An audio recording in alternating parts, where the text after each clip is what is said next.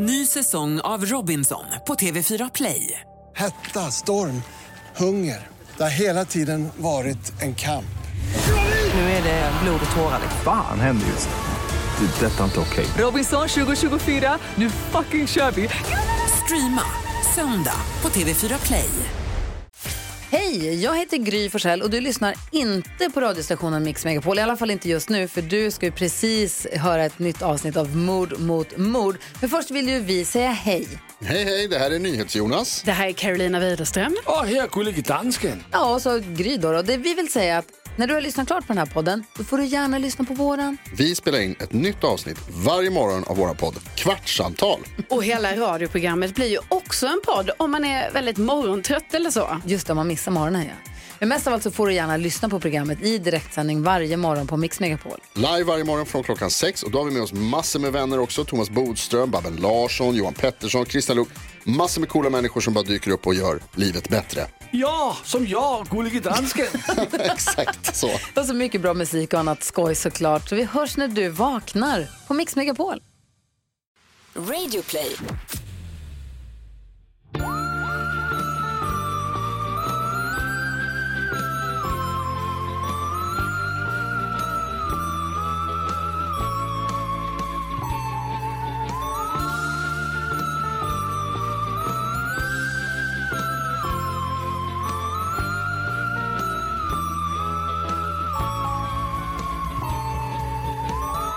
Anna, förra veckan när vi spelade in så hade vi en skitrolig grej när vi pratade om eh, merch. Jag har glömt bort. Ja, allt det försvann. Nej. Då hade vi pratat om att vi skulle ha, att våra nya merch skulle vara golfklubbor. Vad var det mer vi kom på? Eller var det golfklubba eller var det golfhandduk? Just det. För det var, jag tror klubba känns lite för... Det känns väldigt dyrt. Det jag, tror, väldigt dyrt. jag tror det är det framför allt. Men, men typ bag och golfhandduk. Men, men eller golfset kostar så typ, eh, mot golfset, eh, 10 000 kronor. Alltså jag vet inte om det räcker. Men vi har, det är jävligt dåliga klubbor. De är snickrade av oss. Det, det är träklubbor. För jag tror att det finns något som heter träklubbor. Och det kommer ju egentligen vara att vi säljer sånt krocket-set från, eh, Du, det är inte att förringa. jag älskar krocket. Det är skitkul. Det är så jävla roligt. Mm. Det är faktiskt otroligt. Kanske att det är det...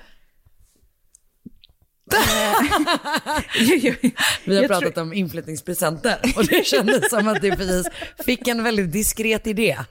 och pekade på dig. Ehm, nej men... eh, Du har äntligen fått eh, med inflyttningspresent, du och Oskar. Ja, tack snälla för det. Jag För att du glad. sa, när det var våffeldagen så frågade du mig, Finn, så har du ätit dina våfflor? Jag bara, nej det har jag inte. Har du? Så skrev du ändå on brand Anna. Vi har inget våffeljärn, gråt-emoji, gråt-emoji. så då tänkte jag, här kan Men vi det göra är en så insats. bra, för, jag, för eh, när jag var liten så gjorde jag väldigt mycket varma mackor i vårt eh, smörgåsjärn. Ah. Men nu har jag tänkt så här, eh, eftersom jag bor lite mindre än vad jag gjorde när jag, när jag bodde hemma hos mina föräldrar, Ja. så är ett våffeljärn perfekt. För man kan både göra våfflor och grillade mackor i. Så jag har alltså inte bara gett dig ett våffeljärn, jag har gett gett ett dig ett mackjärn. Mm. Gud, jag är Du är en kung. underbar person. Marcus vill att, han ska, att du ska veta att han har varit med och betalat. Marcus. Tack Marcus. Han sa också så här, han bara, hälsa Anna att pappa har varit med och betalat. Jag bara, hon kommer inte fatta vem jag menar, för hon Jo. ser inte dig på något sätt som någons pappa. Eh, Och vet du vet vad han gjorde? om någon är någons pappa så är han nog min. Ja, men han är ju inte det. Nej, Han är ju verkligen inte din pappa. han är verkligen inte min pappa. Nej, nej jag vet. Oscar är alla våras pappa. Sant. men vet du vad Marcus, eh, ja, men kanske lite en sån, eh, du vet liksom så, Stig-Helmer pappa. Vet du vad han gjorde idag? Nej. Hade han på sig sin lilla fiskarhatt när vi var ute och traskade. Som han själv kallar för sin smula. Han gillar en hatt som är en smula. Det är det. Ehm, gick vi här uppe i närheten av dig, då blåste hatten av. Ut i gatan. Nej. Blev överkörd av så många bilar. Så nu har den en sån däckmärke rakt över. Fan vad sjukt, det är som en serie Det var kanon. Det var så Jag roligt. fångade faktiskt en keps häromdagen som blåste bort. För den blåste och sen så fånga Lyra? Nej, jag typ, tog upp den från marken. tog upp den från marken. Men gud, det du är ska inte hålla på och böja Det är dig. inte helt smidigt. Nej, det. Så de fick både tillbaka sin keps och ett gott skratt. Åt att du böjde dig. Ja, eller det vet jag inte. Om de skrattade, jag såg det inte. Min riktiga as som du gjorde det. Man. kolla, kolla den här hjälpsamma gravida kvinnan och böjer sig fram. Nej, Nej, jag vet inte om de gjorde det. just det, det här är mord mot mord. Mord mot mord. Eh, precis. eh, men, men jag är glad att du kom på det där med golfhandduken. Ja, just det. Vi borde kanske göra så här badhanddukar. Ett härligt badlakan. Just det, våran merch köper man på podstore.se. Eh, podstore.se. Där kan man shoppa våra grejer. Det är så kul tycker jag när man får se alla som... Jag skulle ju serverat te ur våra muggar. Men alltså jag dricker så mycket ur eh, Det är våra mer muggar. som en kaffekopp tycker jag. Det Ja, var ju någon exakt. lyssnare som skrev det också, att de gärna vill ha en Tekopp. En tekopp. Vi kommer inte fixa det just nu. Eh, jag gillar ju den där liksom NYPD-känslan. Exakt. Vi, alltså, våra, våra kaffekoppar gör sig bra med ett rikt, riktigt snutkaffe. Ja. Och en donut. Och en donut. Jag hade som ambition idag att baka kolasnittar, men det blir nästa gång du kommer. Fan vad gott. Ja. Eh, på, på, på onsdag jobbar jag ju min sista dag. Alltså när det här avsnittet kommer så har jag typ avslutning på jobbet.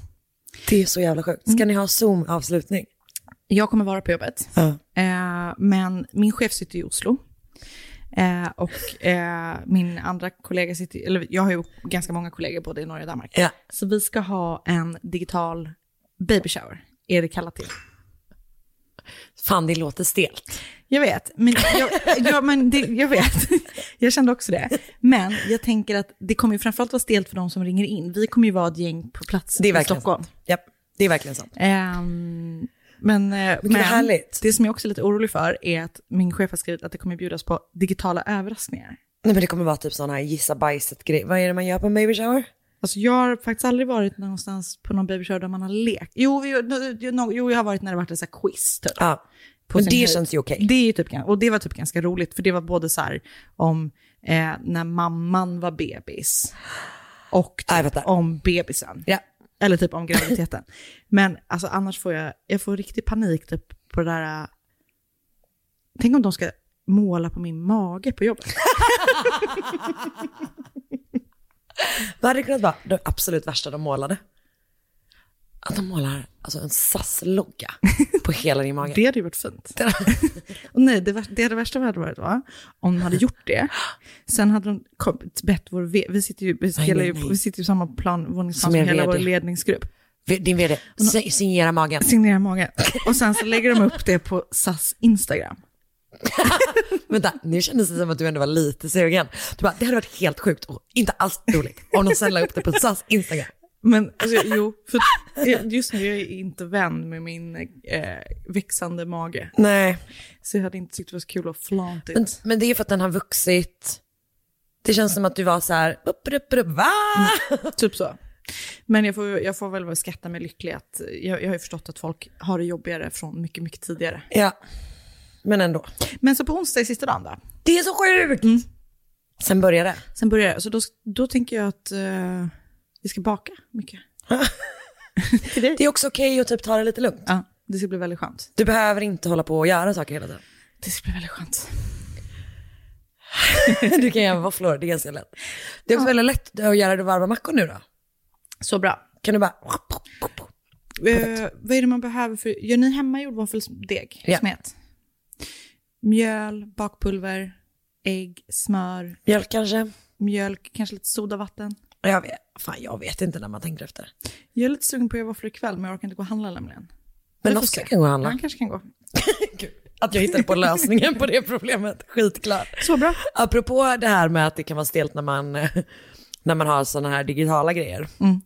Eh, vi har ju liksom druckit vin med min pappa och eh, hans tjej eh, två gånger. För han tycker det är så bra. Han det funkar nästan lika bra som det riktiga. Så, Jag tycker verkligen inte. Nej jag vet, men han sa han är jätteglad för det. Och det, det är väldigt, väldigt mysigt att liksom prata med dem. Alltså, så vi har liksom suttit i typ så två, tre timmar och druckit vin och eh, pratat. Men, Jag tycker det känns fett stelt, även med sina föräldrar. Ja, nej, men jag fattar. Och jag, jag fattar att det har, att det, men det, det har verkligen inte gjort det. Nej. Så då sa, var det typ att så här, vi, vi pratade med Markus mamma, eller jag pratade med Markus jag bara, känns det din mamma ändå skulle bli glad om, om, du, om, om vi frågade om de ville göra det? Så då gjorde vi det med dem i fredags. Ehm, men det var så mycket strul så att i större delen av tiden så såg vi Eh, alltså inte någonting av dem, utan bara deras liksom kräftskivebord.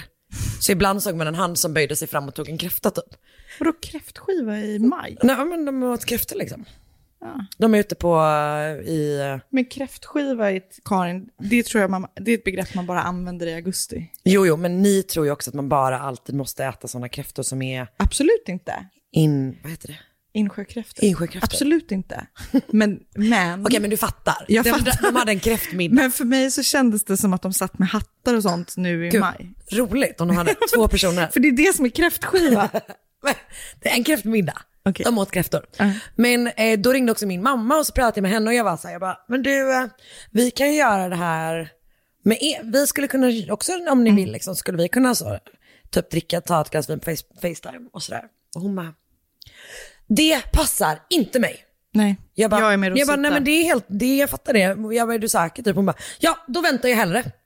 Jag hade ett sånt möte med BUP häromdagen och det var inte alls för mig. Man bara, men tror du att det kommer vara samma sak som när du hade möte med BUP om typ en av dina Ja. elever? Dricker du vin med BUP? Kanske. Kanske. Ja, men jag är med Rosita, fan det där är inte för mig alltså. Nej men jag fattar det. Det var bara så jävla kul att min mamma tror att det är exakt så, alltså att det är så här, tycker hon vanligtvis att det är lika roligt att prata med mig som att prata med BUP? Jag Kanske. typ mer intressant att prata med BUP TBH. Faktiskt. Ja. Men nej, jag tycker inte det. Nej, nej. Jag har för aldrig pratat med dem heller så jag kan inte jämföra. Men du dem. kanske skulle kunna listen in på en av min mammas samtal. Nej, det är nog problematiskt. Det- Det, det tror jag inte. Det är nog emot någon slags lag jag tror kanske. inte man får det. Nej. Okej, ja, ja, nej, ingen, ingen Facetime för mig och Rosita. nej, nej, men ni slipper. Mm. Ni gör faktiskt det. Nej, men jag får återkomma hur det var då med den digitala babyshowen. Men jag ser verkligen fram emot att se det på SAS hemsida. Nej, eh, Instagram. Ja, hemsidan.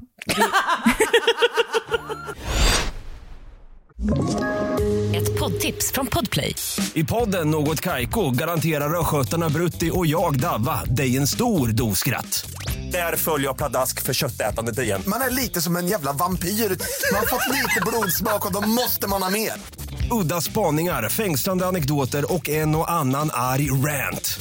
Jag måste ha mitt kaffe på morgonen för annars är jag ingen trevlig människa. Då är du ingen trevlig människa, punkt. Något Kaiko, hör du på Podplay. Därför är gardinerna.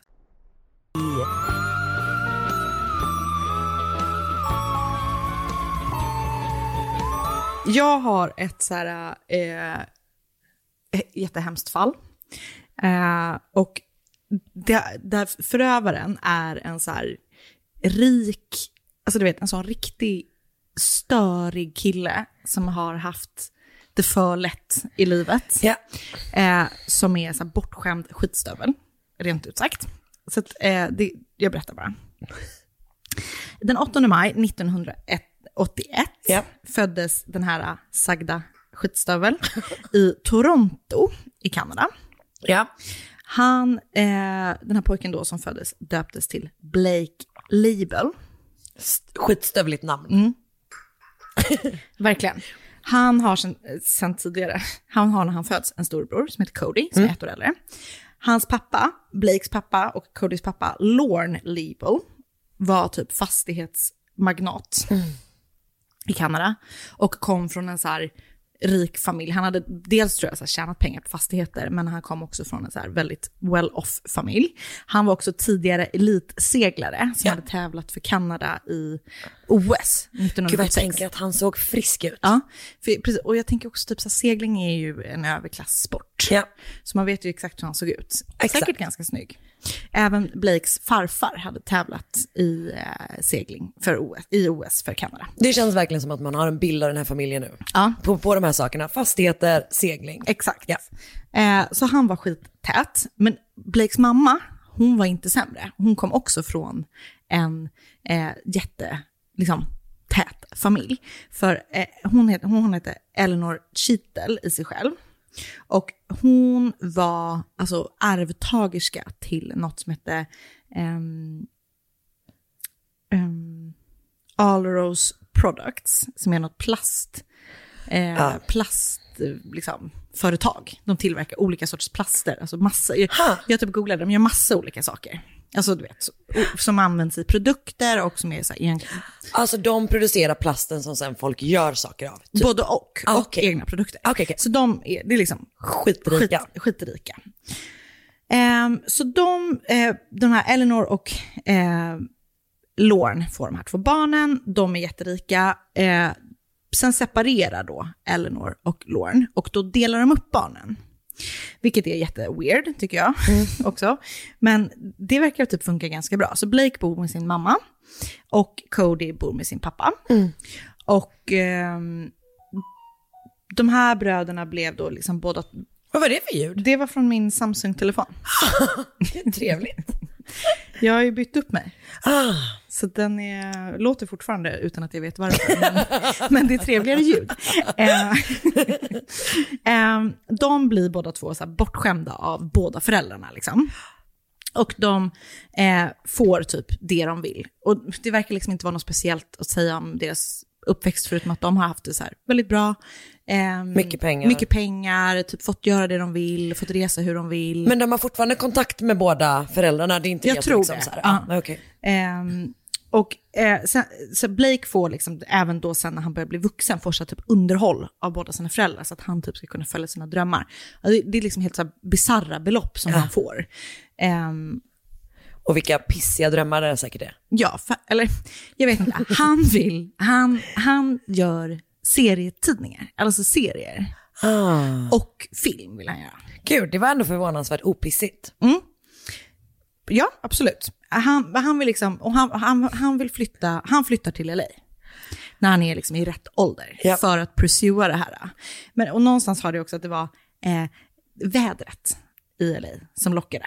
Men det är ju klart också det här hela Hollywood och liksom, du vet så här, att han vill typ bli känd. Och han vill leva det livet som man alla, alla alltså, man, man vet ju vad man tänker när man tänker på LA-liv. Exakt. Ja.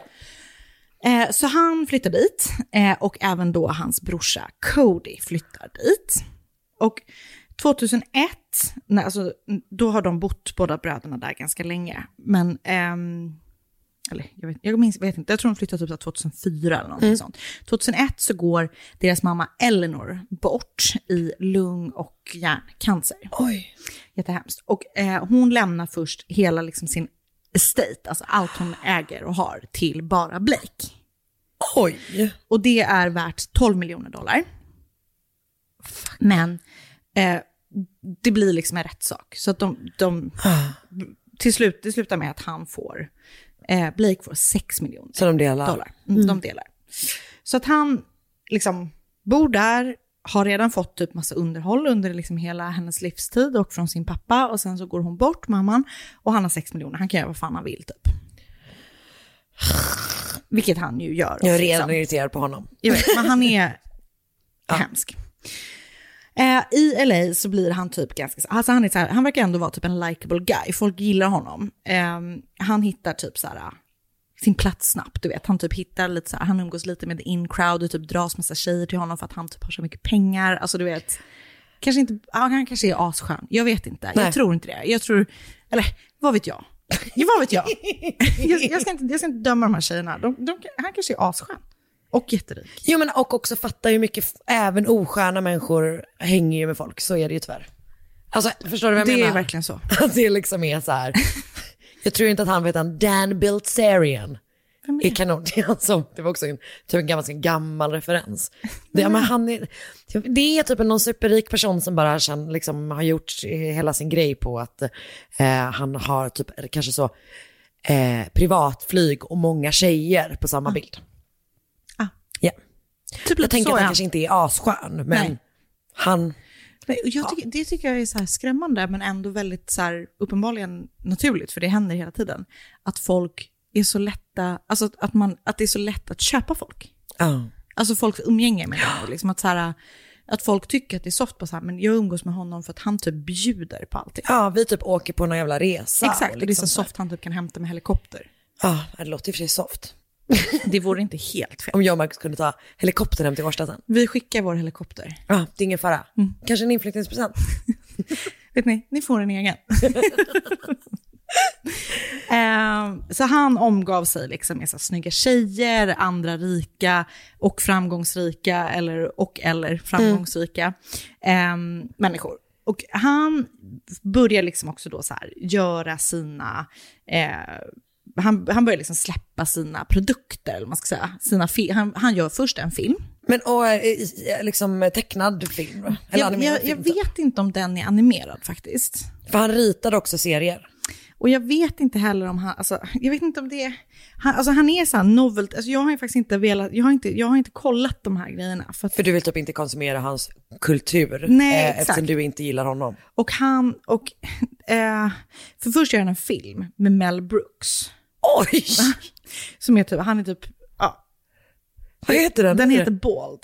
Okej. Och sen gör han ehm, då en serie. Som, som jag vet inte om det är en teckning, för den här har jag inte velat teckna. Eller kolla upp. Ehm, som heter Syndrome. Som handlar om typ kvinn... Alltså den, här, den är typ så här tortyr... Eh, eh, så. Jag tror inte att den här filmen är animerad. Vi ska se här. Nej, den är inte animerad. Den verkar handla om... Den, eh, den, eh, den heter Bald och No money, no hair, no shame. och framsidan ser ut så här. Åh Mm. gud, no. Den ser ju ut som att det är, den ser ut att vara från något av teen movie-eran. liksom. Exakt, och det är väl typ den. Ja, ja. Eh, så först så släpper han den filmen. Eh, och jag menar, det verkar inte liksom, alltså, det blir ju ingen hit. Nej, det är ingen succé. Men, ehm, och sen släpper han då... eh, Syndrome, heter den så? Precis. Och det är, ehm, jag ska visa dig hur den ser ut också, för jag har sett hur framsidan ser ut. Okej, det är en jätteobehaglig docka. Mm. Där man ser hjärnan. Så den är liksom lite, den är väldigt så grafisk. Det är liksom inte en vanlig serietidning. Jag fattar. Det verkar som det är någon med en serial killer och det är lite Ja. någon, någon slags eh, experiment med hjärnan. Ja. Men det är en film. Det är en bok. En bok, okej. Eh, så han liksom börjar göra det, och, men det, det händer ju ingenting med dem. Men han liksom släpper de här, han, han, han gör det väl inte för att få pengar. Liksom. Men eh, sen träffar då han en kvinna, eller han har träffat henne in, alltså här, jag pratade om 2011 när mamman gick bort, men innan dess så har han träffat en kvinna som heter Amanda Brown, som var modell och eh, bodde i LA liksom. Och de gifter sig, och först blir Amanda gravid en gång, och de får ett barn. Och sen blir hon gravid en annan gång. Eller en andra. En till gång. en gång här, en Och en annan gång. gång där. Ehm, och när hon var i åttonde månaden med då deras andra barn så eh, träffar Blake en annan kvinna och lämnar Amanda och deras förstfödda och deras ofödda barn. Det är alltså typ exakt där jag är nu. Och jag hade blivit så arg. Ja, vet du vad? Jag med. Vi pratade om det igår för att Oskar satt och smsade så, så var jag så snokig bara, vem smsar du med? Han bara, då sa han bara, min älskarinna. Och då sa jag så här, "Alltså, jag skulle bli så arg på dig om du lämnade mig. Och då sa han, det tror jag andra skulle bli också. Oskar, det var gulligt sagt faktiskt. Och korrekt. Exakt, han skulle, alla skulle bli jättearga. Det är verkligen ett understatement. Hela vår, hela vår Facebookgrupp Ja. skulle jaga honom. War on Oscar. Iförd Äh. merch. Slå honom i huvudet med golfklubborna. Men vi har inga golfklubbar än. Det de, kastar, de kastar en handduk på honom. så, så han inte ser, den kommer i hans ögon. Faller en grej. Och så kanske man gör pepparspray med mord mot mord. Försvarsspray. Försvarsspray. Och sådana... Ja, pepparspray är inte lagligt i Ja. Så vi visslar honom i ansiktet. Gud. What a bunch of nerds. Men tänk, tänk när alla i gruppen gör det. ja, det låter, det låter ju väldigt irriterande om inte annat. Eh, Okej, och anledningen till att han då lämnar Amanda, det var ju då den här andra kvinnan. Och han har träffat en kvinna, en ukrainsk kvinna, som heter Ijana Kasian. Och hon har flyttat till LA eh, 2014. Och det är samma år hon träffar Blake. Hon är också modell. Hon, ja det är hon. Eh, och, men hon, hon kommer då från Ukraina. Hon har inte alls samma bakgrund som Blake. Så, så. Eh, men hon har eh, växt upp i Kiev med sin mamma som är eh, in och jobbar inom vården. Eh, och hon har växt upp under ganska så här, enkla eller vanliga förhållanden. Och hon har bestämt sig för att så här, jag ska typ skapa någonting bra för mig själv. Så hon eh, läser juridik, hon jobbar som åklagare i Kiev och sen så jobbar hon som skattejurist och är ganska ung liksom. Coolt. Eh, men sen 2014 så är det så här, hon bara, men jag typ vill inte vara kvar i Ukraina. Nej. Jag vill typ testa mina vingar. Jag ska åka till LA och pursua min dröm om att bli modell. Fett. Ja. Hon låter ascool. Vilket hon gör då, och blir modell. Och hon är jättesnygg liksom. Och så träffar hon Blake. Och de blir liksom jättekära. Så han lämnar sin fru för henne. Och de eh, förlovar sig ganska fort. Åh, tänk att vara den frun. Ja. Åh, vad störigt. alltså, man hade ju hatat dem båda två så jävla mycket. Ja, gud ja. Alltså, det är även om det är- så. Det är inte hennes fel. Det är inte hennes fel. Men ja, man hade verkligen varit... Men man hade blivit galen. Ja, men också typ, och man är höggravid. Alltså att det är liksom hela den här grejen som är så här, han put this on me. Verkligen. In me. Åh nej. Eh, precis. Ehm, så att eh, utifrån så ser det så här perfekt ut. De är typ så här, ja, hon är snygg, han är skön och rik och I don't know, det är bra liksom. Ja, förutom då att han ligger i skilsmässa med sin första Ja. höggravida fru. Och har en älskarinna vid namn Constance Bucafurri. så coolt namn. Eh, vid sidan om också. Okej, Så vänta. han- Så han har precis lämnat sin höggravida fru Ja. för sin nya tjej, förlovat sig, men han har ändå kvar, han har också en, en, En älskarinna. älskarinna. Ja, men Ja. perfekt. Ganska körigt kärleksliv. Ganska, ja, han har, det är ett tajt socialt schema. Verkligen. Det som också händer är att Iana blir gravid ganska kort efter att de har träffats med hennes och Blakes barn. Ja. Och hon har ju längtat efter det. Alltså hon, hon har ju längtat efter allt det här. Hon har träffat en man som är härlig, de ska få barn, de, ska, de har förlovat sig, de ska gifta sig. ställt, liksom. Exakt, de Ja. bor i någon så här härlig våning någonstans. Det verkar liksom bara fett. Eh, när hon blir gravid så flyttar också eh, hennes mamma Olga till LA för att typ så här komma närmare sitt barnbarn och sitt barn. Och ehm, typ för att kunna hjälpa till. Eh, så eh, den 3 maj 2016 så föder Iana deras dotter Diana. Iana Diana. Mm. Ehm, och ehm, då förändras allting. Så efter förlossningen så liksom, då är det något som händer. För Blake blir typ sjukt avundsjuk på den nyfödda bebisen. Alltså det där är typ en av mina värsta grejer. Det är så jävla Alltså det gör mig så fruktansvärt upprörd. Det är ju så jävla vidrigt. Så bara, okej men det är vårt barn. Typ. Kan Jo, men, vi... och jag, jag, jag kan typ känna likadant med typ folk som blir tillsammans med någon som har ett barn sedan innan, Ja. som, inte, som också är avundsjuk på barnet. Man bara, till att börja med, det, Det är liksom inte, barn. det är ett barn. Det kommer alltid vara viktigare än Det du. typ du det- måste det kommer alltid gå först. Ja! Alltså så är det ju bara. Åh, vad störigt. Okej. Och han har ju dessutom två barn sen innan. Så han borde, det borde inte vara någon chock Men han för har kanske honom. inte varit supernärvarande. Antagligen inte. Nej. Åh! Eh, Vad störigt. Så att han, han blir jätteavundsjuk på den här bebisen och kräver att han ska få ha Iana för sig själv. Liksom. Så typ eh, Olga då, hennes mamma, har berättat att han blev så här jättepossessiv över Iana och kunde typ så här ringa när Olga och Iana var ute och typ gick med barnvagnen och så här kräva att hon skulle komma hem och typ så här, du måste vara med mig bara, typ att Olga satt skulle ta hand om barnet och du vet hon bara lämnade, du vet att hon blev, och att Iana då så här, ja men jag måste gå till honom, att hon liksom Ja. svarade på det Ja. också. Ehm, Åh, det låter inte bra. Nej, och jag tänker typ att hon kanske var alltså, uppenbarligen då i någon slags beroendeställning, så hon kände väl att hon var tvungen att så här, äh, Plus att hon kanske var rädd för honom. antagligen. Ja. För han har också varit våldsam mot sin älskarinna i alla fall, vet jag. Ehm, så att, eh, han, och det här tycker jag också är så jävla vidrigt. Han, hon födde barn med kejsarsnitt. Ehm, och jättekort efter operationen så tvingar han henne att ha sex med. Med honom. Alltså jag bara tänker så här, när man har typ gjort så här bukkirurgi, alltså även, jag har ju aldrig fött barn än, eh, men jag tänker att man kanske inte är supersugen på att ha sex efter Nej men det är också den här grejen som är man så här, så här, har gått igenom Nej, nej, men också bara, som bara är så här, just nu är det inte läge för dig att kräva saker av min kropp. För vi Det är aldrig läge. krä- Exakt, det är aldrig läge. Men det är liksom så här. Men det är så jävla vidrigt. Och han då typ är så här, men han då typ så tvingar henne att ha sex när hon fortfarande håller på att läka. Men det är ju eh, en våldtäkt. Ja, ja absolut. Liksom. Det är det ju. Ehm, Det är det ju.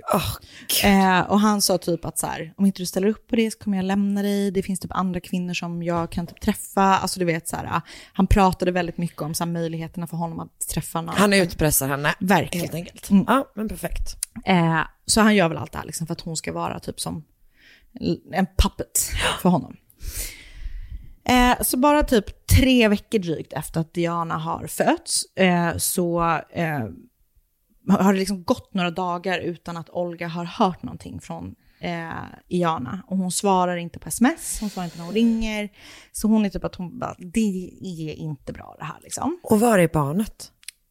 Hon är med Diana. med, jag tror Diana är med Iana. Ah, och, Tror jag. Ah, okay. mm. Ehm, så Olga åker då hem, eller om hon är med Olga, jag vet faktiskt inte. Nej. Men Olga åker i alla fall hem till Blake och Jana och ringer på. För att hon bara säger, jag måste ju liksom se till att hon är okej. Men det är ingen som öppnar. Och tydligen så ska hon ha stått typ så här, du vet, utanför och sett honom i fönstret. Sett hur han så här, går fram till fönstret, typ ser henne Och bara- och bara går in i lägenheten igen utan att öppna. För hon har ju typ så här ringt hem till dem, eller vet, ringer på deras mobiltelefoner, ringer på dörren. Inget svar. Så här. Åh nej. Så jävla läskigt. Så att ehm, hon försöker få honom att öppna på massa olika sätt. Han gör inte det. Så till slut så ringer hon polisen.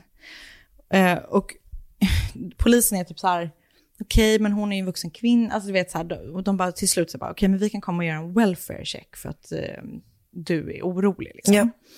Ehm, så de kommer till, ehm, till det här läget, till, de bor väl i något så här fint komplex antar jag.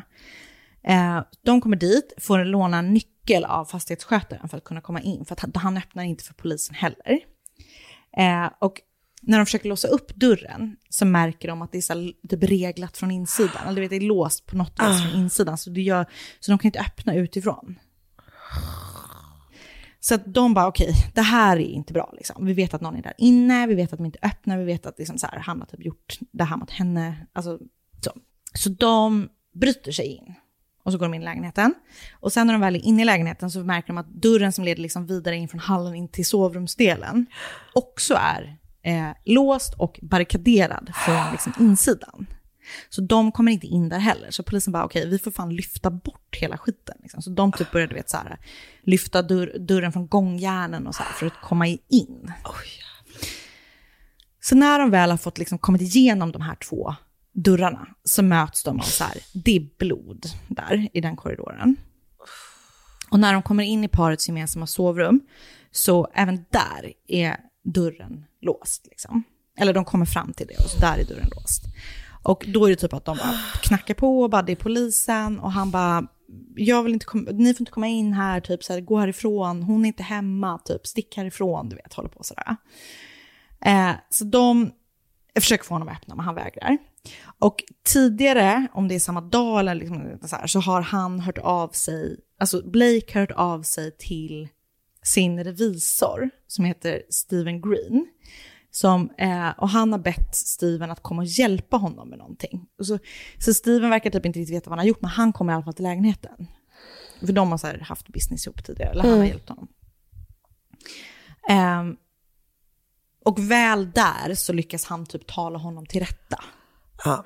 Alltså vet du, typ att han, du vet, han bara okej, det är någonting som är riktigt, riktigt fel. Så, eh, så att Steven får då Blake att till slut öppna dörren och låta polisen komma in i sovrummet. Och jag, jag kommer inte berätta vad som har gjort, men polisen möts då av en så här helt fruktansvärd eh, syn. Eh, och han har liksom, han har typ torterat henne tills hon har dött i deras hem. Och eh, både poliserna och rättsläkaren som sen obducerade henne är typ så här, vi har aldrig sett någonting sånt här. Och jag bara tänker typ så här, Ja, det är, det är så himla obehagligt. Och han, det är verkligen jätteläskigt. Eh, och på platsen så hittar också polisen typ eh, 4 000 dollar i kontanter och hans pass, vilket får dem att tro att så här, Han skulle dra. Han skulle dra liksom. Men han blir ju då... ehm, Åh, fy fan. Ja, eh, precis. Så, ehm, det är vidrigt liksom. Och polisen där, polisen är helt chockade. Och de, de blir också chockade över hur han är så här helt likgiltig för vad som händer typ. Alltså du vet, alla de är så jättechockade Mm. av det här. Och ehm, eh, han typ är så här, låtsas inte om att hon är död ens. Utan det är typ att när polisen bara, eh, jo hon, hon ligger ju här mördad liksom. I, ditt, I ert sovrum. Då svarar han bara så här, well I guess you have to find out who did it then. Och typ ingenting mer. Så han är typ helt så här, alltså helt död. What? Det är så jävla konstigt. Extremt obehagligt. Mm. Så han grips ju såklart. Ah, ah. Och sen så inleds då en rättegång mot honom. Och under rättegången så är typ jättemånga av Ianas vänner och familj där för att stödja hennes mamma. Och de har flugit in från Ukraina för att här vara där som stöd i den här hemska stunden. Hon har liksom åkt till det här till LA för att typ leva ett liv, träffat den här mannen och sen så bara, ah, han är fan djävulen Mm. liksom. Och två år liksom hann hon vara där. Och du vet, inte för att det spelar någon roll om hon hade varit där Nej men 12 hon är så men- nytt, liksom Det är litet så barn och vidrigt. Mm. mamma kommer dit och åh det är så, Och tänk den mamman. så jävla hemskt. Och ehm, Blake har lite mer skralt på sin liksom, sida av har rättegångssalen. hon superdyra advokater i alla fall eller? Det har han. Mm. Hans bror är där eh, och typ liksom, någon bekant. Jag förstår det också som att hans första fru är där. Liksom för hans Oj. skull. Ja. Eh, under rättegången så framhävs då så här hans otroliga, eller du vet det här otroliga övervåldet och tortyren som hon har utsatts för och hans nonchalans kring mordet. Eh, och åklagarens case var liksom att han har blivit avundsjuk då på barnet och typ så här, ah, han ville ha henne för sig själv och därför mördade han henne typ. Typ om jag inte nu, nu, om jag nu måste dela med mig av henne ska så ska ingen ingen. få... Typ den. De menar också att den här serien, eller den här syndrome, den här boken eller den här liksom Är kopplad till det han har gjort. att den har legat, liksom, att den har fungerat som en blueprint som de säger för det här mordet. Jätteläskigt. Blakes vänner och försvar hävdar att han har mått sjukt dåligt under den här perioden för att han fruktade då för, sina, för sitt och sin familjs liv. För tydligen så hade hans bror Cody eh, ganska så här allvarligt spelmissbruk. Och han var skyldig pengar till ryska maffian. Oj! Mm. Så att, Fan då har man ett rejält spelmissbruk ändå. När man, när man är till ryska maffian. Och man har precis ärvt typ Sex 6 miljoner. miljoner. dollar. Så att de menar att han typ så här har du vet varit under sån psykisk press så att han till slut har, du vet så här, Ja, varför han nu skulle liksom de sakerna nu kopplas ihop. Nej, exakt. Man, man kan ju må fruktansvärt dåligt och eh, trots det inte brutalt eh, tortyrmörda sin tjej. Det är ju möjligt. Det går. Det går. Ehm, men så i 2018 så döms han i alla fall till livstid då. Ah. First degree murder, eh, aggravated mayhem Oj. mm, och tortyr. Och han sitter ju såklart i fängelse för det här är ju bara två år sedan. Och eh, deras lilla dotter då, Diana, växer upp med sin mormor Olga. Vet du om han kommer kunna få... Ja, jag tror inte han är parole. Nej, för det är just de här grejerna tänker jag, visa ånger, alltså allt sånt där känns ju som att han inte... Men undra... Alltså han ser ut som ett riktigt sänke under rättegången. Alltså. han är, ja, han, mår inte, han är inte frisk alltså. Det är något riktigt weird. Men det är ju liksom omöjligt. Eller för grejen är så här, svartsjuka är ju en pinsam känsla redan från början, eller avundsjuka Ja. också. Alla känner ju svartsjuka ibland Mm. eh, och alla vet om att så här, Det man får göra är att, typ, Att bita ihop. bita ihop och försöka låta bli att, trycka, Mm. att uttrycka det såklart. Alltså vanlig svartsjuka i liksom en relation. Ja. eh, man känner det, man försöker låta bli att känna det. Ja. Man försöker se till så att ens partner inte märker av det. Men just det här, alltså, Nej, alltså, jag är nu svartsjuk på vårt barn. En liten bebis. bebis.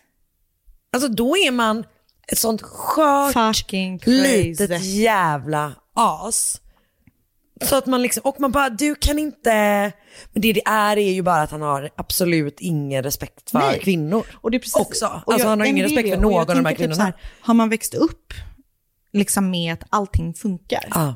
och allt, pengar kan köpa, allting kan köpas för pengar. Ja, och allting jag vill ha ska jag få. Exakt. Ja. Då är, alltså jag säger inte att alla som växer upp med mycket pengar, Är fast man kan ju växa upp med mycket pengar på olika sätt, men man kan ju också, alltså så här, för han verkar så. ju liksom vara så jävla bortskämd och så jävla vidrig så att han bara, nu vill jag göra det här och Ah. nu kommer jag att göra det. Ah.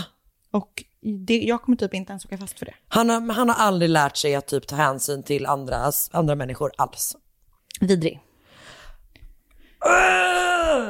Jag hatar honom. Jag hatar honom också. Bra.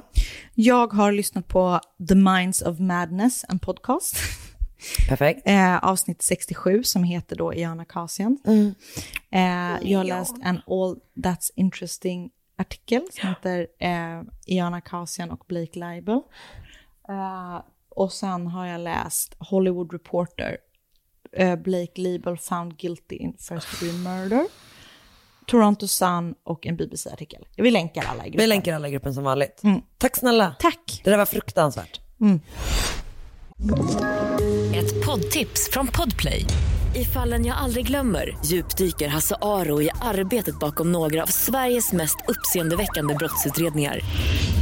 Går vi in med hemlig telefonavlyssning och, och då upplever vi att vi får en total förändring av hans beteende. Vad är det som händer nu? Vem är det som läcker? Och så säger han att jag är kriminell, jag har varit kriminell i hela mitt liv men att mörda ett barn, där går min gräns. Nya säsongen av Fallen jag aldrig glömmer på Podplay.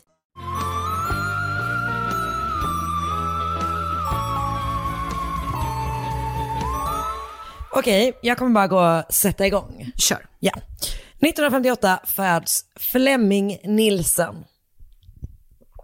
Vi är i ditt, Norge. i ditt älskade Danmark. Nej, för Fleming, det är dans. Flemming Nilsen i Källerup, Mhm. Danmark. Eh, jag tror att hans pappa jobbade som vaktmästare och hans mamma var hemma. Och hans uppväxt var liksom väldigt tuff. Mm. Eller, så här, familjen hade väldigt ont om pengar. Liksom. Och jag läste någonstans att hans mamma fick typ flera missfall under, liksom, under hans uppväxt. Och det var liksom inte, det var inte lätt för den familjen Nej. helt enkelt. Förlåt, när var det här så? Eh, han föddes 58. 58. Mm. Ja, ehm, och till slut då, för han är, han får en lillebror när han är tio år gammal. Och det är första liksom, småsyskonet Okej. som har, åtminstone då, som sagt hon har nog haft lite problem med sina eller- olika, med sina graviditeter typ. Men han får till slut då en lillebror som heter Jakob och typ i samband med det, kanske lite innan, lite oklart, så flyttar eh, familjen till Silkeborg. Och det ligger liksom i närheten av Källerup. Och det här är också, det, här, det är liksom utanför Århus, eller in, inåt landet där. Eh, så det här, eh, Silkeborg ligger ytterligare lite närmare Århus. Jag tror att det är typ kanske en halvtimme med bil. Okej. Ehm, och i Silkeborg så får liksom familjen så här boende av socialtjänsten. Liksom. Ehm, så att han börjar jobba tidigt, eh, men är ändå så här, han bara, jag vill ha, ändå ha en utbildning liksom. Mm. Så att han tar någon slags yrkesutbildning eh, som typ motsvarar en svensk gymnasieutbildning tror jag, men typ tvåårig inriktad på något specifikt Okej. yrke tror Mm. jag. Eh, och den är han klar med typ i mitten av 20-årsåldern. Vilket yrke? Eh, jag vet inte. Eh, men det är vilket också, jag tror det är lite senare än vad som är vanligt för att han har då slutat skolan, börjat jobba ett par år Mm. Och och sen sen, kommer varit såhär, jag vill utbilda mig liksom och sen gå tillbaka. Mm. Exakt. Och han bestämmer sig också då för att gå vidare och läsa på universitetet. Mm. Och han säger typ så här, han säger till sin bror att han bara, jag vill göra det för att man liksom så här, ja men för att, för att kunna klättra i samhället helt Mm. enkelt. Han bara, man får en annan status, Mm. typ en annan klass när man är universitetsutbildad.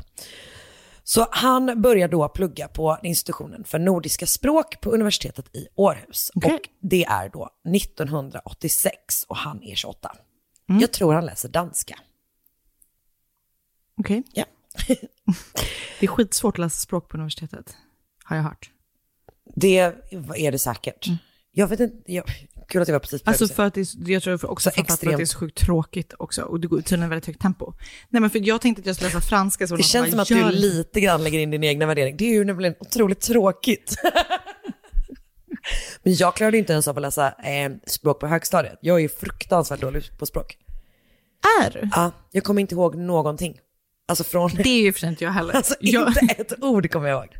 jag har läst spanska i fem år och jag kan säga hola. Jag, jag läser tyska ganska länge. Jag kan säga Guten Tag, was kostet ein Eis? Ja, vad kostar glassen? Eller Men det var också så glass? länge sedan så att svaret som jag kan är eh, i D-mark. så jag har väldigt lite nytta Fan vad gammal du blev där. det lät, det kändes som att det var min pappa som var det. Ah, jag minns när det var, det var pesetas. Okej. Men kommer du ihåg när man, jag måste, förlåt, när vi nu ändå pratar om gamla valörer. Um, lire. Alltså drömmen. Ah. När mina föräldrar skilde sig så var vi hela mitt- det sommarlovet i Italien. Wow. Och de hade så här, en miljon lire. Sin, och, jag, och jag och Klara hade varsin sån här magväska. Ah. Vi hade våra pengar. Och ni var miljonärer. Vi var miljonärer. Gick och köpte glass för 100 000. Alltså det är verkligen upplagt för att barn ska bli manliga Alltså, när man har en sån. Ingen grej, jag är miljonär, varit miljonär hela sommarlovet. Det var tråkigt att komma hem till Sverige sen. Så fattig. Mm. Ja, Han läser då i alla fall danska. Och han har, eh, jag tror att han börjar läsa i Silkeborg. Och då har han fått typ en, eh, alltså innan universitet, universitetet, då har han fått en studentlägenhet där. Och han bor kvar där eh, under tiden han då börjar plugga på Århus universitet. Som sagt, det är typ bara en halvtimme. Mm. Där är min bästis Freddy. Århus. Ja. Vi var i Århus förra året. Just det. Det var ju eh, alltså, Det är jättemysigt där. asmysig Ja. stad. Har inte varit där, men det verkar väldigt mysigt. Det var verkligen, verkligen kanon. Och då hade ändå Marcus börjat med sin sertralin veckan innan och mådde riktigt dåligt. och vi var på festival och allting var väldigt upp och ner. Men stan var väldigt, väldigt fin. härligt. Dit får man åka Ja, jag skulle vilja åka allting tillbaka dit. öppnar upp igen. Exakt, precis. Att det, jag, jag tror typ att vi sa det då bara, när du mår lite bättre borde vi åka tillbaka hit för det verkar ju trevligt.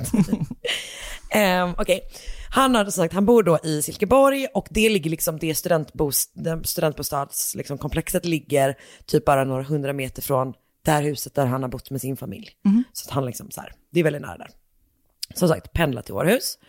Och till en början så går det liksom bra för honom i skolan. Ehm, han får helt okej betyg, han betar liksom, han, alltså han går klasser så som hans kursare gör, alltså du vet så. Allting är liksom väldigt vanligt. Han är inte så att han är jätte, jättebra, men det, det flyter på liksom.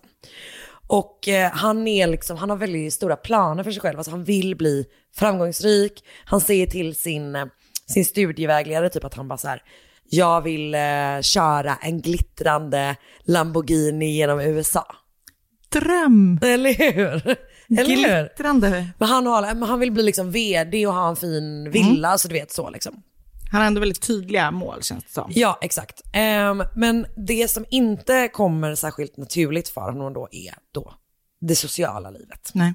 Han har liksom typ ingen social interaktion alls med andra studenter och jag tror att han har haft problem att liksom umgås med, eh, med andra barn även när han var liten typ. Det har aldrig kommit lätt för honom liksom. Och grejen är att han är ju ganska mycket äldre än de han bor med nu. Han började när han var 28. Det är ju något som man tycker är lite weird med för gamla människor på universitetet. Det, Tyvärr. Ja alltså. men exakt. Och typ att han bor i en studentbostad och liksom så här, han är inte med dem riktigt liksom. Nej. Och det är nog inte det att de tycker att han är, alltså att han är otrevlig. Det är bara inte härligt. Det är, liksom- nej, och han verkar vara totalt ointresserad också. Ehm, så att han har liksom inte, alltså de tycker, alla där har ju typ sådana kläder som är så här sent 80-tal, tidigt 90-tal. Mm. Du vet ju exakt, alltså Mm. du tänker hur de ser ut, så stentvättade jeans och sådär. Det är Ebba Didrik. Exakt, och han har alltid typ skjorta och slips på sig. Mm. Vilket ju är, Och inga byxor. han har, Det är det de men tycker gud, alltså det här är eh, historien om Kalankas origin Ja, story. Okej. Sen träffade han en hund som hade en hund. Nej, men så de är typ så att de bara, han är liksom aldrig med, de ser honom när han... Vänta, vem är hunden som har en hund? Eh, Janne Långben har, har, som har Pluto. Han har Pluto ja. Vänta, har Hej, han Pluto? Pluto! Är det, är det Musse som har Det är Pluto? Musse som har Pluto. Okej, så det är en, en mus som har en hund. Ja. Eller? Jag minns Jag inte. vet inte. Förlåt. Skitsamma. Ehm, de, så de ser honom typ så här, när han går till skolan, när han typ tvättar sina kläder. Alltså det är typ det liksom. Mm. Ehm, och de, han, de verkar tycka att han var typ lite så här, lite brysk. Mhm. Kanske typ att han var en sån person som var så här, jag tycker så, jag kommer vara rak. Ja. Min värsta, min vet. värsta, förlåt men jag Nej, jag håller helt med dig. anpassar lite. Nej, men för, ljug, för guds skull. för det sociala, var ett socialt glidmedel. Ja men för, exakt, men det är ju för att man, man, är, ett, man är lite av ett as, men man får det att framstå som något positivt. Ja. När man bara, du bryr dig bara inte så mycket om andra människors känslor och det är inte så trevligt. Typ. Ja. Hur som helst. Ehm, grejen är då att så här, han, eh, efter ett par terminer så fastnar liksom Fleming i sin utbildning. Mhm. Och han har liksom, jag tror att det är hans första så uppsatstermin. Mm. Ehm, och det ska ta typ ett halvår. Men det kommer ta flera, flera år Okej. för honom att skriva. Och det ska vara max 100 sidor. Efter ett par år har han skrivit 800 sidor. Åh jävlar. Och ingenting går typ att använda. Vad skriver han om då? Jag vet faktiskt inte vad hans liksom ämne är, men det är han inne i danska tror jag. Så han liksom bara håller på och håller på och håller på med den här jävla uppsatsen under liksom många, många, alltså flera års tid. Eh, jag- alltså typ kanske så fem år. Ja jävlar. Eh, det är liksom flera år in på 90-talet. Han byter handledare för att han tycker de är dåliga. Alltså du vet liksom, det hålls på sådär. Eh, men han har alltså totalt kört fast. Och det gör ju att du vet de andra studenterna, det beskrivs typ som att så här, ehm, i, de här studentbostäderna, där det står liksom lappar över vilka som bor där. Hans lapp har så hunnit börja gulna liksom. Ja. De andra studenterna kallar honom för evighetsstudenten. Gud. Eh, och nu är Det han finns liksom så... ju sådana. Ja, och nu är han liksom så 33, 34, 35 år gammal. Och eh, jag tänker typ, det är väl säkert i Danmark som det är ungefär i Sverige, att man är typ så 20 när man börjar plugga. Och nu är han typ nästan 15 år äldre. Ja.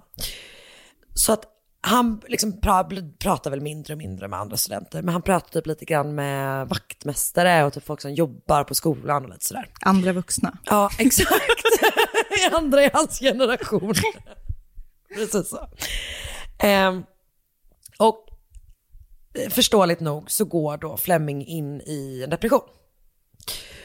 Och han får liksom eh, medicin och han får också stöd i form av så psyk- eh, psykologhjälp och sådär.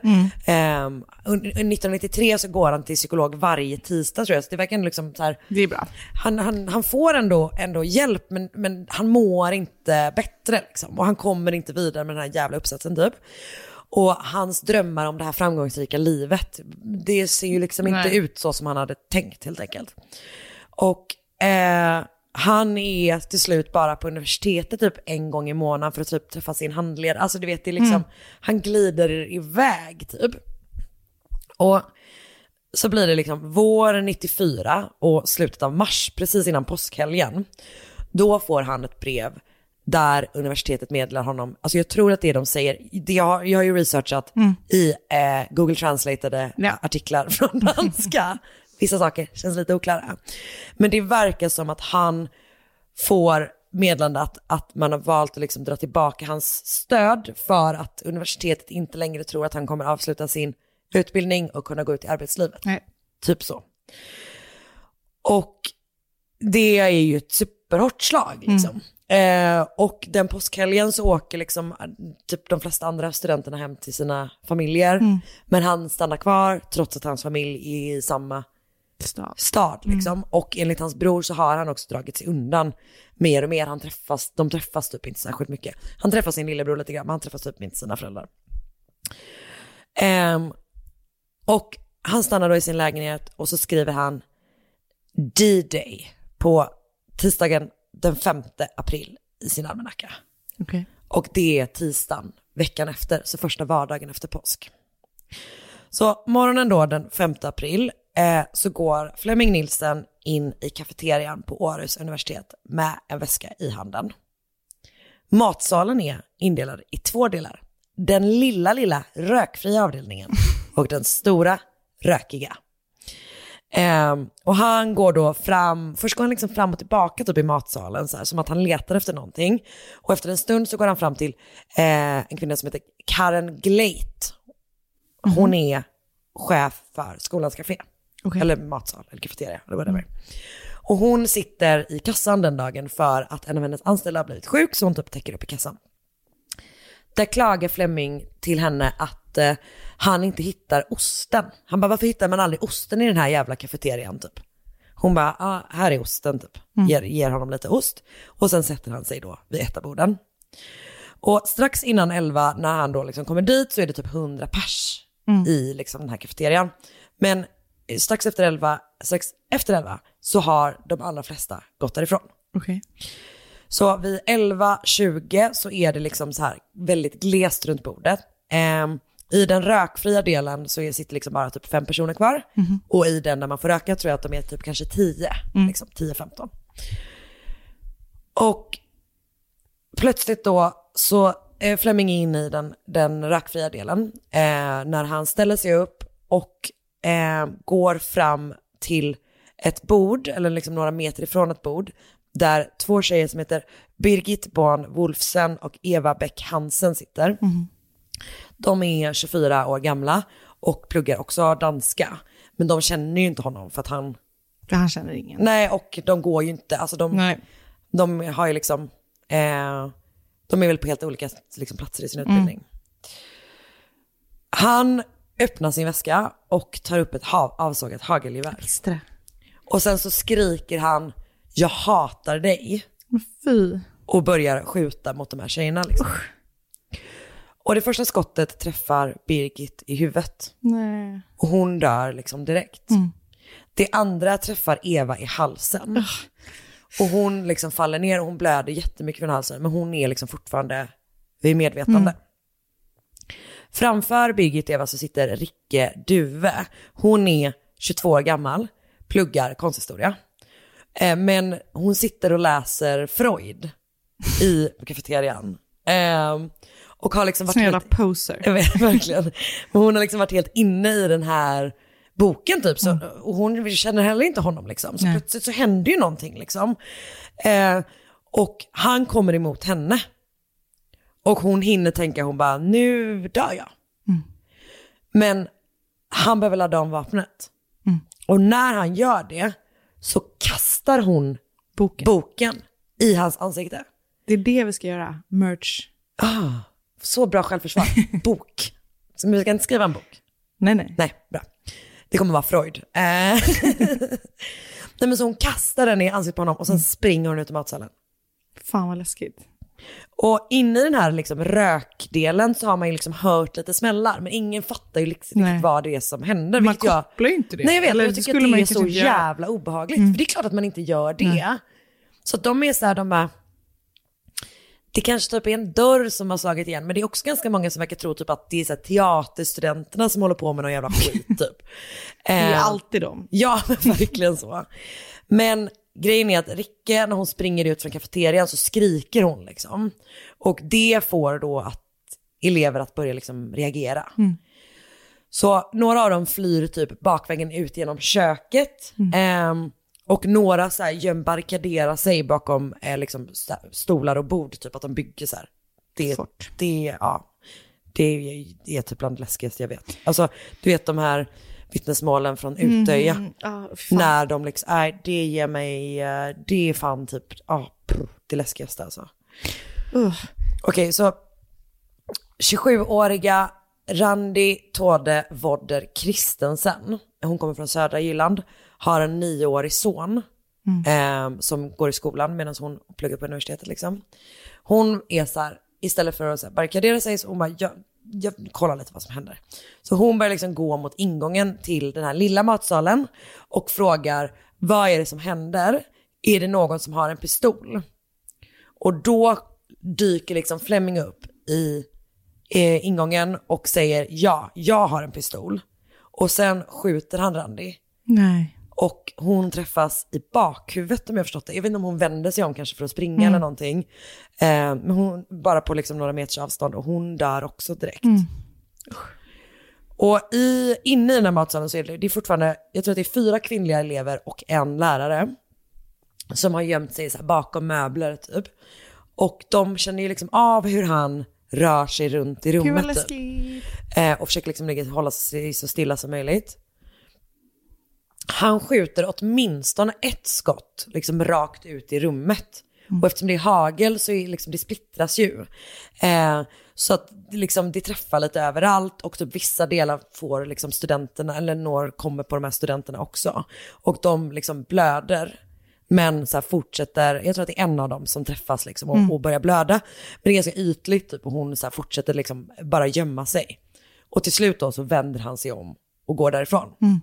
Och precis utanför, liksom i korridoren utanför den här kafeterian så finns en toalett. Och eh, en tjej som har varit inne på toa heter Kim, hon kommer ut därifrån och hon har hört de här smällarna. Men hon är då helt övertygad om att det är någon skit med de här teatereleverna. Och när hon går ut därifrån så möter hon då liksom en man med lockigt hår och glasögon som har liksom något märkligt i blicken och som bär på ett vapen. Men hon är fortfarande helt övertygad om att det är en del av någon teatergrej. Så hon blir inte det minsta rädd, hon bara går förbi honom och han går förbi henne. Och det är inte förrän senare som hon Fattar. förstår Men hade, var det var, liksom, hade det hänt school shootings innan det här? Eh, 94, ja, alltså det här är den enda som har skett i Danmark, Danmark, någonsin. Eh, så det var väl väldigt ovanligt. Mm. Så. För jag tänker, hade man själv liksom gjort en koppling? Jag tror nej, typ inte det. nej, nej, nej. För att det är för sjukt. Mm. Det kan inte vara, det är ju den grejen, typ. det, det är omöjligt. Det kan inte vara Nej. så typ. Okej, ehm, Karen då, Karen, jag vet inte hur man säger hennes namn, alltså det är som Det är Karen. tror jag. Karen, ja. Ehm, det är ett tjejnamn, gör Ja. det, Karen. Eh, hon tar med sig, alltså när det har börjat skjutas, så har hon tagit med sig en personal och tog också några elever ut in i köket. Där har hon typ så fått upp ett fönster och släppt ut folk liksom. Mm. Och sen är hon den första som larmar polisen medan det här fortfarande Mm. pågår liksom. Jag tror, om jag fattat det rätt, att hon alltså slår sönder ett fönster för att ta sig in i ett rum där finns en telefon för att ringa liksom. Eh, Så hon ringer och snart så kommer då liksom både väktare och sjukvårdspersonal och poliser. Och de måste ju då alltså ge sig in i den här lokalen. Och de vet ju inte, är det flera gärningsmän? Är det fortfarande aktivt? Hur är de beväpnade? Alltså ingenting. Gud Liksom. vad läskigt. Och jag tror att eventuellt att det är därför man kanske har med sig väktare, för att de kanske har bättre koll på skolan, eller du vet så här, layout Hittar typ. typ, ja. Ehm, och först kommer de då in i matsalen och det kommer liksom senare beskrivas som att så här, det råder liksom ett märkligt lugn. Det är liksom helt stilla, typ. det är ingen panik. Ehm, och man hittar de här offren då, polisen liksom och väktarna, men de måste ju fortsätta leta efter gärningsmannen. Mm. Så att jag antar typ att de släpper in sjukvården liksom, och sen så går de vidare i den här skolan typ. Mm. Och ehm, de går ner i källaren typ och där liksom hon söker igenom olika rum typ och så öppnar de en dörr in till en toalett. Och där ser de att ett, liksom, eh, ett eh, eh, bås, dörren till ett, ett bås är stängt och det rinner blod ut under, golv, eh, liksom under ehm, dörren. Mm. Och det är så jävla obehagligt typ för att det, då blir så här, okej, det är han eller är det ett offer? Det är låst inifrån. Så att de vet liksom inte vad Nej. grejen är. Och det som händer är alltså att en person måste ställa sig på toaletten i över. båset bredvid och titta in över. Han har ju liksom ingen aning Nej. om vad han kommer mötas av. Gud, alltså, det kan ju lika gärna vara så att han kommer bli skjuten eller du vet Mm. sådär. Eh, men det de ser då är att där är Fleming och han har skjutit sig själv. Okej. Och de, han klättrar liksom över in i det båset och öppnar dörren Fy. inifrån typ. Eh, super, super obehagligt. Jag tror att det är en av väktarna som gör det. Och han har ju liksom aldrig varit Nej. i närheten av den här typen av situation innan typ. Fan vad obehagligt. Och eh, Fleming är då död liksom. Mm.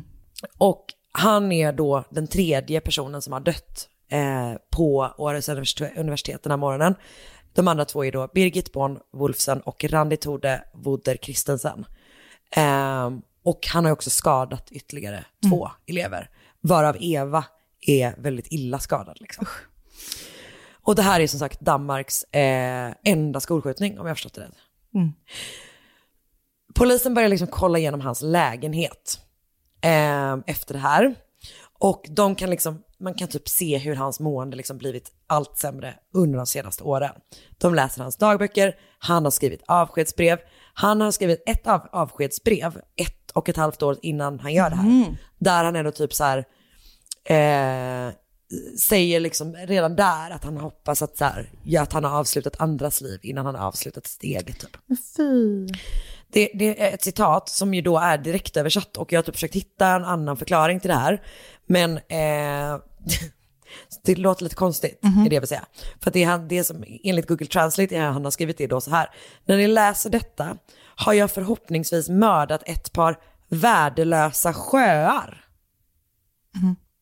Och jag har sökt på det här ordet separat. Det blir, jag får bara sjö. Vad är det danska ordet? Ja, Men det är ju typ sjö, sjö eller du vet liksom. jag vet inte. Men det är, det, är- för jag bara säger bara, men det här måste typ vara något. Jag, Jag kan skicka det till min kollega. Ja, bra, jättebra. Ehm, Han bara, eh, Men ja, man säger då att som måste betala för de sår jag bär på. Och sen säger han att efter att, att han ska liksom ha avslutat, av, eller efter att han avslutat andras liv så tänker han avsluta sitt. Och sen ska jag brinna typ. Okej. Eh, jag skulle tro att så här, hade hade det här hänt idag så hade han kallats för incel. Mm. För att det, han är, det är ingen slump att han, bara, att han mördar kvinnor. Nej. Han är arg på kvinnor. Fy fan. Liksom. Ehm, för att de vill inte vara med Nej. honom. Liksom.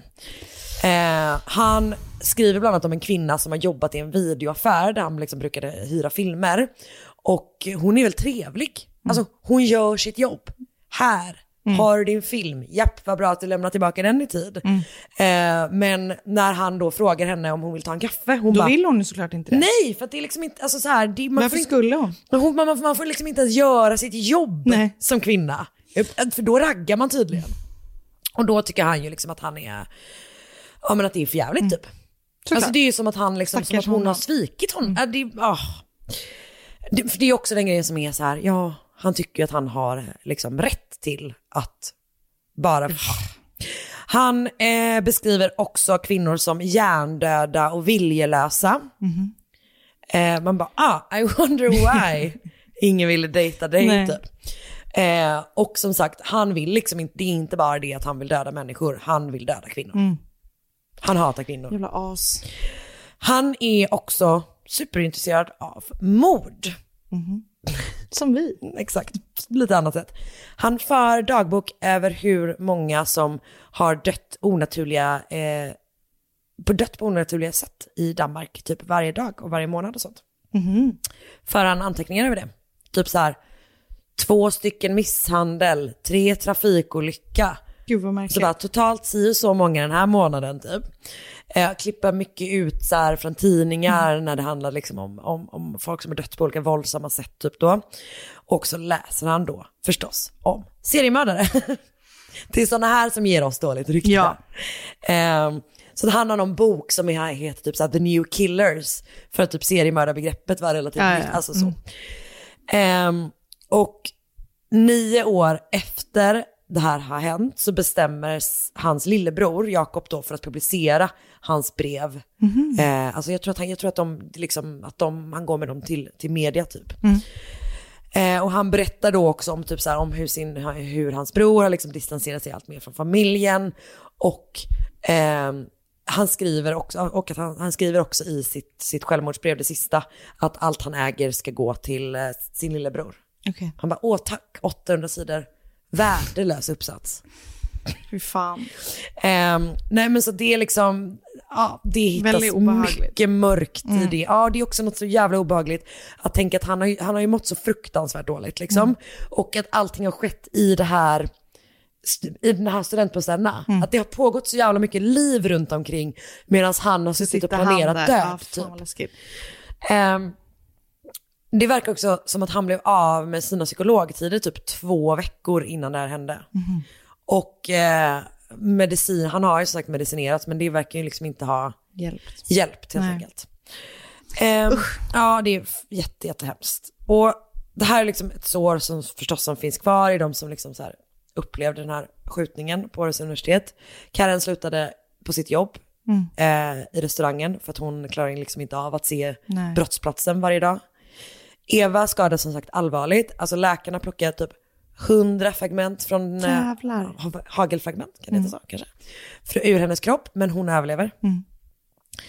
Det här är så jävla sorgligt. Birgits mamma åker till Århus och ställer liksom en blombukett på bordet. Mm. Där Birgit satt med Eva när hon blev skjuten. Och på kortet, så här på blombuketten så står det Mamma var här. Och Randy, ehm, Randys son växte upp och blev jätteframgångsrik. Han pluggade alltså nanoteknologi på Stanford. Jävlar. Och körde en glittrig... Nej, alltså det här är så jävla sorgligt. Han eh, dödades i en trafikolycka. Nej. Men han var liksom super, super framgångsrik tid innan liksom och, och, var tydligen en så briljant ung person typ. Gud vad hemskt. Och i år skulle hans mamma ha fyllt 54 och eh, Birgit skulle fyllt 50. Mm. Och man, på det här universitetet då så jobbar man liksom väldigt mycket med typ fortfarande med så att upptäcka och hjälpa elever som mår dåligt. Typ Mm. att de har ganska många olika typ instanser och typ aktiviteter och så här som, som jobbar för det liksom. Eh, så att de håller på supermycket och jobbar med liksom, eh, lösningar med fokus Mm. på sina elevers mående. Så jag har läst en jättebra genomgång av hela händelseförloppet som bygger på liksom massa olika intervjuer och sådär. Eh, och den har rubriken Fleming stod, översatt då Fleming stod bakom Danmarks enda skolskjutning och den är då gjord eh, av TV2 Ostjylland. Och en kvinna som heter Kirstin Stefansdottir Egerqvist har skrivit liksom textversionen. Jag vet inte om det har gått på tv också Mm. kanske, men textversionen eh, har hon skrivit. Sen har jag läst en text av Klaus Christensen på sajten Echo. Han läste nor- nordiska språk på Århus samtidigt som Fleming. Så att han har liksom lite grann det perspektivet. Mm. Eh, det finns lite på Wikipedia och det finns också en väldigt bra sammanfattning på Reddit. Wow. Tack så mycket. Skolskjutningen på Århus universitet. Så jävla hemskt. Hemskt. Men det, ja. Det, är- det är väldigt obehagligt med skolskjutningar. Ja, det är ju För det är sån fruktansvärt. miljö som man tänker att man liksom, det inte, inte händer något farligt i typ. Ja, och som, som du och jag brukar prata om just det här att det känns som att ehm, det är en miljö där livet ska börja typ. Usch vad läskigt. Ja, ehm, tack för den Ja. här veckan hörni. Tack så mycket. Tack för att ni lyssnar, det gör oss jätteglada. Tack för att ni köper merch på portstore.se. Tack för att ni eh, går med i vår Facebookgrupp, Mord mot mord podcast på. Facebook. Mm. Eh, tack för att ni önskar fall på Instagram, att Anna, att Karin Andre. Och tack för att ni är med oss även nästa vecka. Tack snälla ni. Hej! Hej då. Ett poddtips från Podplay. I fallen jag aldrig glömmer djupdyker Hasse Aro i arbetet bakom några av Sveriges mest uppseendeväckande brottsutredningar. Går vi in med hemlig telefonavlyssning och, och då upplever vi att vi får en total förändring av hans beteende. Vad är det som händer nu? Vem är det som läcker? Och så säger han att jag är kriminell, jag har varit kriminell i hela mitt liv men att mörda ett barn, där går min gräns. Nya säsongen av Fallen jag aldrig glömmer på Podplay.